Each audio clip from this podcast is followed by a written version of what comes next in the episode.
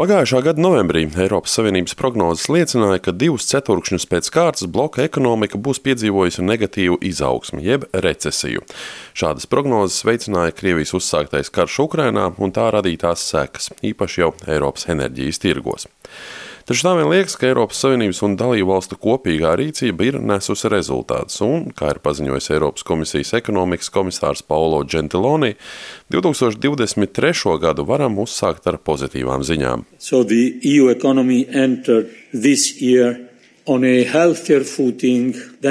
Eiropas Savienības ekonomika šo gadu ir uzsākusi uz veselīgākiem pamatiem nekā tika gaidīts, un izskatās, ka tā ir izvairījusies no recesijas. Kopš novembra mēs esam redzējuši virkni pozitīvu notikumu.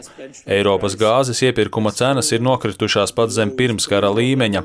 To veicina arī pieprasījuma mazināšana, piegādes avotu diversifikācija un, protams, arī maigie laika apstākļi. Labāki nekā cerēts ir arī gada nogales izaugsmes rādītāji, kā arī ekonomiskā noskaņojuma uzlabošanās, un tas liek domāt, ka mēs esam par mata tiesu izbēguši no tehniskās recesijas, kas tika prognozēta vēl rudenī. Ja iepriekš negatīva izaugsme tika prognozēta trijām valstīm, tad tagad tāda ir vairs tikai viena Zviedrijai tiek prognozēts 0,8% ekonomikas kritums. Par Eiropas Savienības ekonomisko dzinēju spēku uzskatītā Vācija tomēr saglabās nelielu 0,2% izaugsmi, kas ir aptuveni par 1% punktu augstāk nekā iepriekš domāts.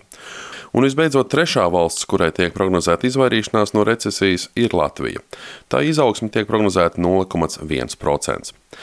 Tādām valstīm kā Igaunija, Lietuva un Polija izaugsmas rādītāji ir nedaudz pazemināti, bet pārējām valstīm tie paliek vai nu paredzētajā līmenī, vai arī tiek sagaidīts neliels kāpums. Turpina Paulu Gentiloni. Growth for 2022 is now estimated at 3.5. Ekonomiskā izaugsme 2022. gadam tagad tiek prognozēta 3,5% robežās, un tas ir par 0,3% punktiem vairāk nekā prognozēts rudenī. Runājot jau par 2023. gadu, izaugsme būs 0,5% un tas ir par 0,5% augstāk nekā rudenī prognozēts. Arī inflācijas līmenis ir sasniedzis augstāko punktu un turpinās kristies, pateicoties strauji krītošajām enerģijas cenām. Ja pagājušā gada inflācija bija 9,2%, tad šogad tie būs 6,4% un 2,8% nākamajā gadā. Kā uzsveras Gentiloni, kopumā šie rādītāji liecina par Eiropas Savienības noturību un to, cik nozīmīgi ir kopējā atbilde uz dažādiem izaicinājumiem. Taču pēc komisāra vārdiem priekšā vēl ir grūts laiks un daudz kas būs atkarīgs no ģeopolitiskā saspīlējuma un tā, vai un cik ilgi turpināsies karš Ukrainā. Komisārs atzīst, ka neskaidrība valdi gan investoru, gan kompāniju vidū, gan ekonomikā kopumā. Un to apliecina arī tāda rādītāja kā inflācija, kurā nav iekļautas pārtikas un enerģijas cenas. Šie rādītāji ir turpinājuši pieaugt arī janvārī. Kā norāda izdevums Politico, pašreizējā situācija rada vēl vairākus riskus. Piemēram, zemais bezdarba līmenis var veicināt strauju algu kāpumu un palielināt inflācijas spiedienu. Un, lai arī gāzes krātuves pēc šīs ziemas ir piepildītas salīdzinoši vairāk nekā citus gadus, un patēriņš ir samazinājies, Pirms nākamās ziemas krātuves piepildīt tomēr var būt diezgan izaicinoši.